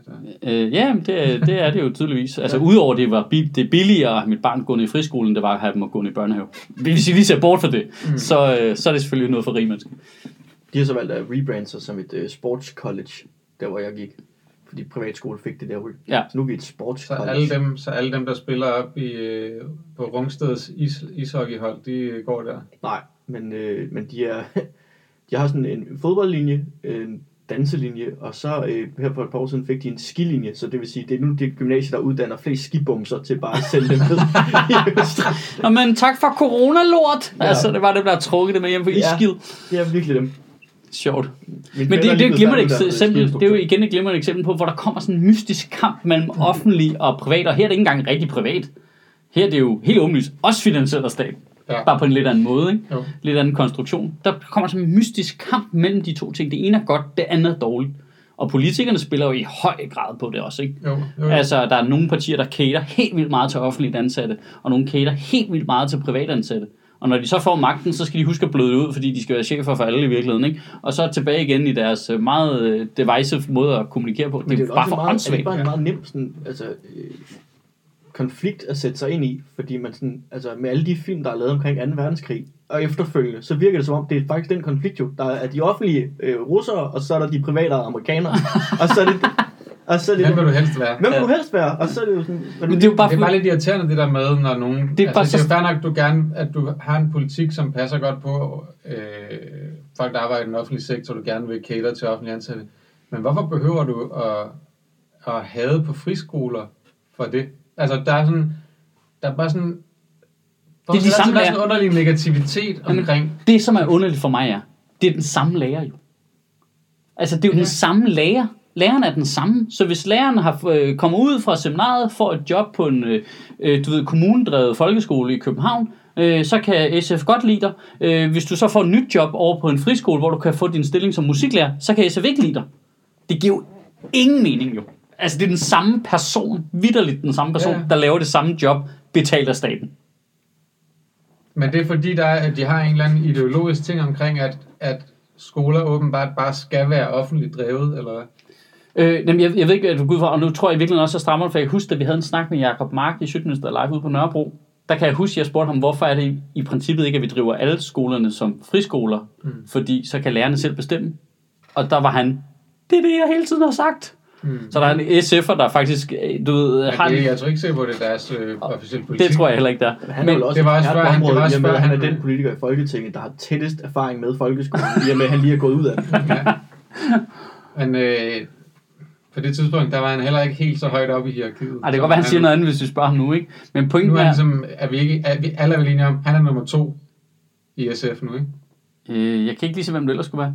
Altså, det er ham, der hele tiden står ved siden af Pia Olsen Dyr. Ja. Klar til at træde ind, når hun skal få en kugle, ikke? Jo. men, men, øh, men det skal lige siges, at du får, jeg tror, altså, der er jo ikke nogen af dem, heller ikke Socialdemokratiet, der vil sige, at ah, så er de imod det. Men der er bare sådan noget i deres retorik hele tiden, hvor de også deler op i offentligt ansat versus privat ansat, Ja. øh, som bare er for åndssvagt. Altså, Ja. Jamen, det, er, det er super retarderet, i stedet for at se det som, at, at det alt sammen hænger sammen, og vi i Danmark har fundet en super god balance i, hvordan vi kan lave en offentlig sektor, der understøtter den private sektor Jamen, og omvendt. Jeg synes jo eksemplet faktisk lige nu, når vi bliver ramt af den her coronakrise, der bliver det meget tydeligt, fordi der er statsministeren jo nødt til at gå ud og forholde, altså det er jo helt tydeligt nu. Jeg synes ikke, hun har haft noget af det på nogen pressemøde. Fordi der har hun jo været nødt til at forholde sig til, hvordan virkeligheden er. Mm. Okay, Øh, vi er nødt til at øh, lukke det ned, og vi er nødt til at hjælpe erhvervslivet. Fordi det skal vi. Fordi ellers brænder hele lortet sammen. Så er der ikke nogen til at betale lønnen til de offentlige ansatte. Og så skal vi hjælpe de ans- offentlige ansatte til at starte med, så kan vi lade dem blive hjemme. Det er jo fordelen ved, at det er staten, der betaler deres løn. Og så kan vi øh, lade dem udføre alle de vigtige opgaver, der skal til, for at de andre kan komme tilbage på arbejde igen. Mm. Så der har hun ikke haft noget af det, men det er jo, hvis du kigger over hele deres politiske virke, så kan man jo bare godt se, at de taler bare kun til sådan en gruppe, ikke? Men det bare sjovt, når du har to grupper, som understøtter hinanden, men de kun har fokus på, at de selv understøtter den anden gruppe, Ja. og ikke at de selv bliver understøttet. Ja, det er vildt mærkeligt. Ja. Altså, det er vildt underligt. Og det er jo basalt... Det er meget sjovt emne at lave taler om. Ja, det er det nemlig ikke, fordi det er jo en basal... Øh, altså, det er, jo- det er jo, hvad er det? Inden for det første halvår i samfundsfag i gymnasiet, ikke? Jo, Altså, hvor du lærer det her, ikke? Det er jo ikke raketvidenskab. nej, og jeg er bare enig om, det behøver da heller ikke at have gået i gymnasiet eller taget nogen som helst form for uddannelse for at kunne regne ud, at det hænger sådan sammen. Nå, men der bliver det trods alt bare stadig i pap for dig, ikke? Det? Altså, Ja, måske ikke, hvis du dumpet ud af første G, så kan det godt at de har gjort det godt det, kan, nok, godt- det kan godt være, det var saft på højt niveau. Det kan jeg ikke afvise. Jeg husker bare meget samfundsfag i gymnasium, som sådan noget med, at man fik en sæd, og så stod der et parti på, og så skulle man op og, og fake. Og rollespil. Og det var også sjovt. Det er det eneste, jeg kan huske. Det var skægt. Det kunne Var jeg godt det? lide. Jeg trækker Det er jo meget det, vi laver nu. Jeg lavede, altså jeg lavede, jeg lavede den finanslovsaftale, som altså kristendemokraterne altså, altså kun kunne have drømt om. Men er det det, vi skal finde ud af til, til næste Du, du var, hvad er det, hun hedder? Øh, Arndt, hvad er det, hun hedder? Elisabeth Ja. Ar- Det er bare for 20 år siden. ikke? Isabella. Ja. Elisabeth. Isabella. Ja, whatever. De er lige meget. Men er det det, vi gør til næste uge, så, så øh, laver vi sådan en hat med nogle partier i. Og så øh, ændrer vi fuldstændig struktur i Sødministeriet, og så skal vi begynde at sidde og forsvare holdninger for partier, vi bare har trukket op af en hat. Det er sjovt, ikke? Det gider jeg godt. Det er fordi, I ved, hvad de mener jo. Prøv have. I dag, Jeg skulle altså, spille- det, det er en leg, der gav mening i 80'erne at lege det der. I dag mener de alle sammen, hvad fuck der skal til for at blive valgt. Det er lige meget jo. Da de skulle kaste ny øh, vært til det der quizzen med Signe Molde, ja. Ja. med hende der Gyrit der, der havde Ja. de jo tre inde, inklusiv øh, Sofie. Ja. Og, øh, og der skulle de åbenbart have haft en eller anden formanden for øh, Liberal Alliance Ungdom mod formanden for øh, Socialdemokratiet Ungdom, der skulle sidde og quizze med han var fanget et eller andet sted, så dyr ringede til mig og spurgte, om jeg kunne komme ud og være liberal. Og så skulle jeg sidde, og det værste var, vi kørte tre programmer igennem, der var publikum på, og publikum vidste godt, at jeg ikke var ham. Men de havde glemt at fortælle det til altså, Gyrit, som jo ikke kendte mig i forvejen, at jeg ikke var liberal. Hun begyndte bare at spørge ind til Så sådan mine verden- holdninger til, hvordan jeg mener, at verden skal hænge sammen. Og jeg begyndte bare at glide af med det der, min hver sin egen lykkes smed. Og det, jeg kunne bare mærke, bare mærke på, at hun var det, du er den værste formand for et politisk ungdomsparti nogensinde. Og så, ja, selvfølgelig er det. Hold kæft. Og det er sjovt, hun går formentlig stadigvæk den dag i dag, stadigvæk rundt og tror, at du er formand for Liberal Alliance Ungdom. Og har bare set dit uh, show på YouTube og tænker, det jeg kan ikke få til at gå op. Så, så var han helt deprimeret, eller hvad? Og så nu er han formand for Liberal Alliance Ungdom. Jeg forstår det ikke. Argumenterer han for, at man skal have lov til at tage sit eget liv, fordi den hver sin egen lykke? er, det, er, er det det, eller hvad? Uh, Han kan ikke engang binde det ræb, så kan han, så du ikke lykkes med. Altså, det vil være det. Det var fandme en sjov oplevelse. At bare sidde og fake at være politisk på den fløj, man er, mest, nok mest uenig med. hvad, hvad, hvad tror I bliver... Øh, hvad er endgame på det her projekt? Corona-projekt her? Endgame. Ja, hvor- hvordan går det fra nu af? Man føl, det føles som om, vi er gået ind i endgame nu, ikke? Nej, det gør det overhovedet ikke. Synes du ikke det? Nej, det synes jeg overhovedet ikke, vi nærmer os Jeg, jeg tror, at det, der sker nu, nu er at befolkningens tolerance over for folk, der dør, er det langsomt at være bygget op. Det er det, der har været planen hele tiden, og nu åbner vi det op igen, og så kører vi. Øh, og så vil der dø cirka lidt, lidt færre, end der dør af influenza. Og så, Det er faktisk, hun sagde ikke på det der pressemøde i går, at hvert dødsfald er en tragedie. Det nævnte hun ikke. Nej. Nu begynder hun at face det ud. Jamen, det er det jo. Et altså, død- men det er samtidig også bare vildt gamle mennesker, der dør, ikke? En, død er, en person, der er død, er en tragedie. Nå, jamen, og det siger jeg vel at mærke, som jeg har en 85-årig mormor, som er i hyperrisikozonen, og de er super dobbelt øh, støde dernede, og de passer vildt godt på dem, og jeg må ikke tage noget besøg hende og alt muligt. Og det makes sense, og jeg ved jo godt, at hvis der kommer corona ind på det plejehjem, så er hun færdig. jo. Altså, du ved, har røget hele sit liv og sådan noget. Fuldstændig toast. Men hun er 85. Pester din mor, der sidder i en kørestol, den synes, du er ristet brød. Altså, sådan er det. Sådan, altså, det, det er jo ikke... Ja. Det synes jeg ikke engang er kynisk at sige. Nej, altså det er jo, altså, Og det skal jo ikke blive en pandemi, altså, eller epidemi, der løber du ud fuldstændig ud af kontrol. Det, kan alle jo, altså, det er jo dårligt jo, så dør der vildt mange flere, end det er nødvendigt. Ikke? Mm. Men jeg tror, det det har handlet om, er jo også at opbygge folks tolerance over for, hvor lejet ligger. Øhm, for det kommer aldrig til at være nul jo. Nej, Aldrig. og, men, men er det ikke også det der med, at vi trods alt hele tiden har en fornemmelse af, at der dør færre, end der kunne have gjort? Jo, præcis. At så, Jo. så er vi sådan, at vi gør, jo, vi gør jo, hvad vi kan, og alle kan ikke reddes. -agtigt. Nej. Men det er jo også Trumps Men det siger de aldrig. Med at sige, mellem 100 og 200.000 er døde Så af en succes. gjort- så har vi gjort det godt. Det er også det vildeste greb, det der bare reframe hele diskussionen. Ja, fra, fra, Ja. til at gå fra, at øh, der kommer jo ikke til at ske noget. Der er, sgu en, der er ingen enkelt kineser, der er sygagtig til at, jamen, altså, hvis det er under 200.000, så har vi sgu gjort et godt stykke arbejde. Hvis bare der før dør dobbelt så mange, som der døde af vores soldater under 2. verdenskrig, så ville det skulle være øh, lige øjet, du. så er det vist en uh, thumbs up til, til far her. så har jeg klaret det pisse godt, hvis jeg selv skal sige det. Jeg, jeg, jeg må også sige, jeg, jeg, jeg synes også, det er svært at sige, at jeg kan se noget endgame på Mm. det lige nu, fordi... Det er, jo, det er jo det der taktik var jo the hammer and the dance, ikke? Jo. Slår ned, bum, alle mulige restriktioner, får det under kontrol, og så åbner vi langsomt op igen, og så skal vi danse med den her coronadans du, det, det, øh, de næste halvanden års tid. Og det er jo, vi er jo i Det dag. minder for meget om Macarena, til jeg kan tage det alvorligt. Hey, corona. og det er jo den dans, vi skal over i nu, ikke? The hammer and the dance, og nu er det dansetid. Da, da, da, da, da, da, Da, da, da. da. Da, da, da, der. Corona. Da, da, da, da, da. Jamen, det er det jo. Altså, og det og det er jo dystert, og det er jo alt muligt andet, men det er jo ikke anderledes, end vi har danset med influenzaepidemier og sådan noget. Udover den her er jo så mere smitsom, skal lige siges. Men, så det er jo en anden slags dans. Men, men det er jo det samme resultat, vi skal nå hen i. Jeg tror bare, at... Jeg ved godt, jeg ved godt, det her det lyder meget kynisk, og, Mm. og det er ikke ment sådan. Men er tragedie ikke også et stærkt ord at bruge? Jo. Altså at sige, at et hvert dødsfald er en tragedie.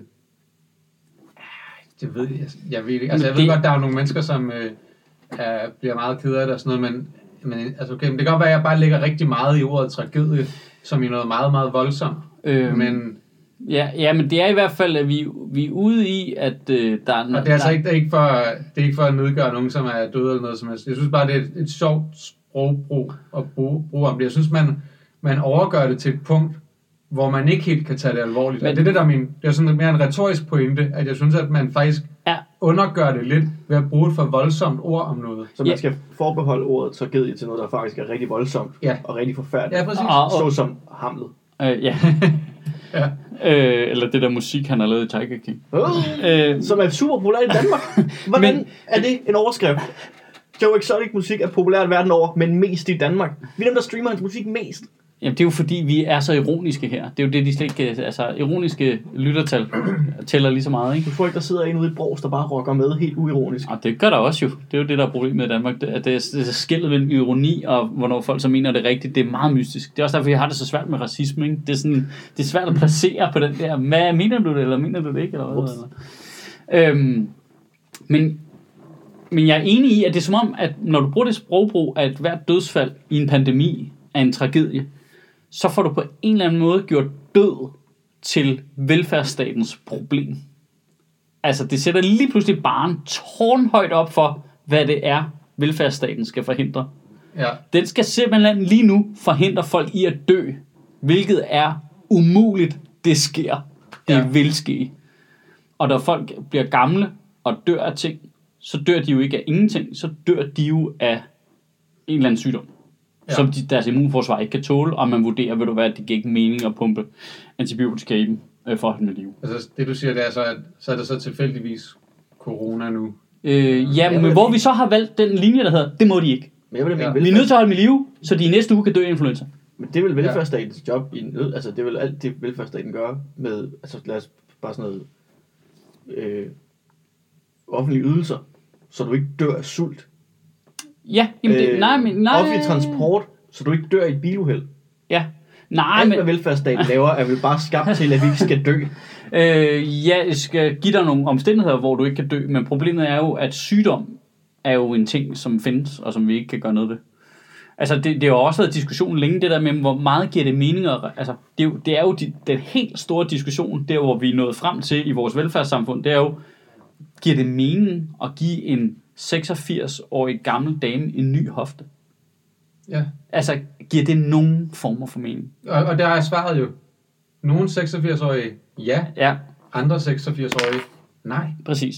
Altså, og, Og, det er jo... Men den, den snakker, det snakker vi jo slet ikke om, det der. Nej. Og det er jo nogle valg, der bliver lavet ude i sundhedsvæsenet hver dag. Der vil jeg jo mene, kommer den, altså den der hofte der, Er det en, de indopererer ind i hende, eller giver de hende bare, så hun kan bruge den som sådan en kølle til at slå ham? Der mener jeg altid svaret nej. Og det er jo en skide svært diskussion, fordi man vil jo altid passe på sin egen nærmeste, og man vil jo altid, øh, jeg vil jo gerne have, at de gør alt, hvad de kan for at redde min øh, mormor. Men der er jo også bare sådan en samfunds, samfundsmæssig diskussion i det. Og der synes jeg bare, at corona er ligesom kommet... Altså, vi har slet ikke, det, det, det her det er noget, vi slet ikke snakker om normalt. Så kommer corona ind over, og vi er alle sammen enige om, vi skal ikke have en epidemi, der raser løs i befolkningen. Makes no sense. Det er dårligt for alt. Og derfor skal vi have det ned på et leje. Men i det leje, vi kommer ned på nu, hvor vi skal åbne op, der forsvinder det jo stadigvæk ikke. Og det synes jeg, det, det, altså det, der er noget sådan lidt mystisk, at vi, de ikke snakker om det på de pressemøder. Mette Frederiksen holder et 23 minutter lang intro til et pressemøde, hvor hun ikke lige nævner, at øh, det, der sker nu, det er, at nu åbner vi langsomt op, samtidig med, at vi har corona i vores, øh, der bliver smittet rundt blandt folk. Men min pointe var, var egentlig bare den retoriske omkring, netop også det, vi har snakket om med restriktionerne. Hvis man gør, det for, hvis man gør restriktionerne for voldsomme, så, kan, så tager folk det ikke alvorligt. Altså, så bliver det sådan, ej, det, det, hvis Det folk sidder og tænker, det giver, det giver ikke logisk mening, at vi skal gøre det her, så følger de ikke anbe, alle de anbefalinger, der kommer. Er rigtigt. Og det, og det mener, hvis du samtidig bruger det samme, altså bruger et for voldsomt sprogbrug omkring, at nu er der nogen, der er døde, at hver gang så er det en tragedie, som i min, i min opfattelse er et meget voldsomt ord at bruge om et dødsfald, øh, så, så begynder folk at tage det mindre alvorligt. Ja. Og det, altså, min far døde af kræft, men det var da ikke, altså, han døde som 61-årig. Det er meget tidligt. Jeg vil stadig ikke sige, at det var en tragedie. Jamen, det er det der med, om det er en sygdom, ikke? Fordi hvis nu han var død i en... Øh, En trafikulykke. Ja, ja, eller Ja. en eksplosion på en fabrik, eller sådan noget. Ja, ja. Det havde været tragisk. Ja. Det havde været tragisk. men, men, men du ved, det gik, det gik som det gik. Altså, og, Ja. og, øh, og til sidst, så har han jo også så meget kraft. Det var et relativt kort forløb, men sådan, du ved, hvor det giver ikke mening, hvis de skulle holde ham i live længere end højst nødvendigt, og alt det der, og nej, men et, et liv er, er uendeligt mange penge værd, og hvad man skal høre alle mulige Ja. steder, sådan, det, det er det bare ikke. Altså, det er det bare ikke, og det er ikke, undskyld jeg siger det, men i min opfattelse af sproget, det er ikke altid en tragedie. Heller ikke under de omstændigheder er det nødvendigvis en tragedie. Altså, det, det synes jeg bare ikke. Og, jeg, jeg Og næste, fa- og næste fase i den tankegang er selvfølgelig, at vi skal have lavet to forskellige indgange til hospitalerne. hvor øh, folk, vi skal redde, skal gå ind ad den anden, og de andre, øh, du skal om, øh, det- du har afgør- i gang B herover. Nå, du du er skal, i gang med et til, lille holocaust nu. du skal gå ud til Jamen, det, er jo- det, det, er jo det, ja, det er jo grund til at sige det, er jo, fordi det er jo det, nogen folk, når vi snakker sådan her om det, så er det det, nogle folk hører. ja. Det er det, der er problemet, ikke? Altså, det er, de tænker, Nå ja, men der, så skal vi hvad? Så laver vi øh, A-hold, B-hold, så er der kun... Og det er jo ikke sådan, det fungerer i praksis, jo. bare snakke nogenlunde naturligt om døden også. Altså, Ja, det er det. det er da, altså, det, jeg vil sige, døden er sgu ikke så farligt på den måde, men altså, jeg synes, det, det, jeg forstår ikke hele den berøringsangst omkring det, ærligt talt. Hvis vi ser bort fra, at jeg selv er penge gang for at støbe, så, altså ikke hele tiden, men jeg ikke gider Er du det. Øh, det er det eneste, der kan få mig til at blive en lille smule deprimeret omkring min fødselsdag, som jeg ellers ikke går op i. Det er, at der er gået et år mere, og det vil sige, at jeg er tættere, jeg, jeg, jeg er på tættere på der, hvor man forventer, at jeg dør, uden at de er kommet tættere på øh, udødelighed, og det er et stort problem for mig, fordi det er hele min plan er at blive øh, ikke udødelig, men adødelig. Er du øh, 40 endnu? Ja, du er lige blevet 40, ikke? Ja, For en måned siden. Eller sådan noget. Og det er, øh, altså, det interesserer mig meget kort tid af gangen, det er sådan noget følelse af sådan noget. Men lige det der med, fuck, hvor er vi henne teknologisk? Hvornår kan jeg få frosset noget ned? Øh, kan jeg få min hjerne ind i sådan en, ligesom Crank har i Turtles? øh, altså, altså det, det, det, er min plan. Jeg vil ikke dø, men det er fordi, jeg synes, det er så sjovt at være i live, så jeg vil ikke dø. Bedste stand-up show nogensinde. så jeg vil, jeg vil, øh, øh, jeg, jeg forventer ikke at dø. Det skal jeg Men hvorfor er det, du ikke vil, altså, hvorfor er det, du ikke bare er ligeglad og tænker, at det skal Men jeg det- på et tidspunkt, og jeg, I. I have had a good run. Jeg, jeg er ligeglad, fordi jeg forventer, at jeg er 100% overbevist om, at det kommer til at ske, at Ja. øh, jeg dør meget, meget sent.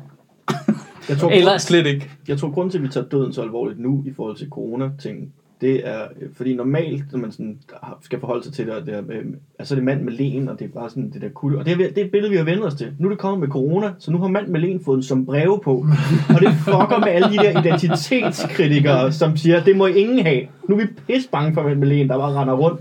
Øh, med sin limeøl, og vi er alt for glade. Da, da, da, da, da, da, da, da. Men altså, det der, det der sker i Italien, det er en tragedie. Ja.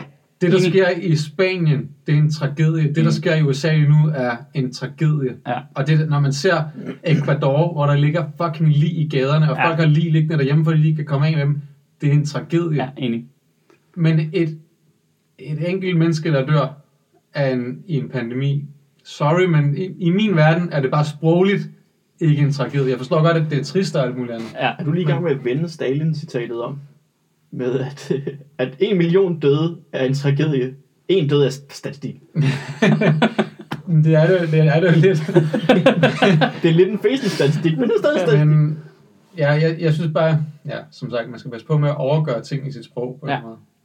Fordi det har bare nogle reaktioner på folk psykologisk, som gør, at de bliver, øh, de Ja, ja. bliver hurtigere immune. Det er lidt ligesom, hvis du får en vaccine, så får du lige dang, en ordentlig skud af en eller anden sygdom, og så er du resistent over for det. Og det er det samme med sproget. Hvis du giver folk alt for voldsom retorik omkring noget, så bliver de også totalt immune over for det. Ja, men det er jeg helt enig i. Jeg synes bare, der er noget fejl det der med, at vi, altså, et af de store problemer for velfærdsstaten er jo, at vi bliver ved med at stille større og større krav til den. Altså, serviceniveauet skal være højere og højere og højere og højere, og engang der skulle man bare aflevere sit barn over i skolen, og så, øh, så skulle øh, de ikke tæve det alt for meget, så skulle de kunne matematik, når det kom tilbage igen. I dag forventer vi, at de opdrager børnene for folk også, og du ved, forældre tager du ved, relativt lidt ansvar og sådan noget, ikke? Mm. Øhm, det er i hvert fald en helt anden skole nu, end det var engang. Ja, ja, og, så, og, så, og sådan stiger det hele tiden, og lige pludselig så for- forventer vi også, om kan, vi, kan jeg ikke få lavet sådan semikosmetiske operationer inde i sundhedsvæsenet egentlig? Øh, du, ved, du der er flere og flere ting, der passer ind under. Men så kommer man jo hen i det der, hvor... hvor og lige pludselig er det bare sådan, nu, nu forventer jeg, at jeg betaler skat, så derfor så skal jeg ikke dø. Ja, ja. Det har jeg betalt for, vi, vi så det må I fikse. der, hvor, som med Pernille Schieber, der siger, at, at økonomi altid er underordnet et liv. Og at det er det jo bare ikke. Altså, det er en åndssvag ting at sige jo. Ja. Det er decideret åndssvagt at sige, at vi skal bare betale hvad som helst for at redde et liv. Så er du idiot jo. Ja. Men, Undskyld, men det, men det er du jo. men det er jo fordi, at man får skabt Det er, der, ærligt, det er der ærligt talt, og det siger jeg ikke som en økonomisk ting, det er der jo ikke nogen, der er, altså, det, det, det er ikke, der er ikke nogen, der det er værd for samfundet. Du bliver også nødt til at se det som et fællesskab, hvor at vi kan ikke bruge 3 milliarder på at redde et liv, fordi det kan betyde, at vi så ikke kan redde 100.000 andre. Nej, men det, men det er jo fordi, at man får det til at lyde som om, at der er en øh, glad pige, der går ned ad gaden, sund og rask, og har det helt perfekt. Hvad skal vi betale for at redde hende? Det, det, det er sådan, det kommer til at virke op i hovedet på folk, ikke? Øh, det er ikke det der med, det er nogen, der... Altså, hvor, længe, hvor meget længere skal vi holde folk i live? Pernille skipper virkelig erhvervsøkonomi, og så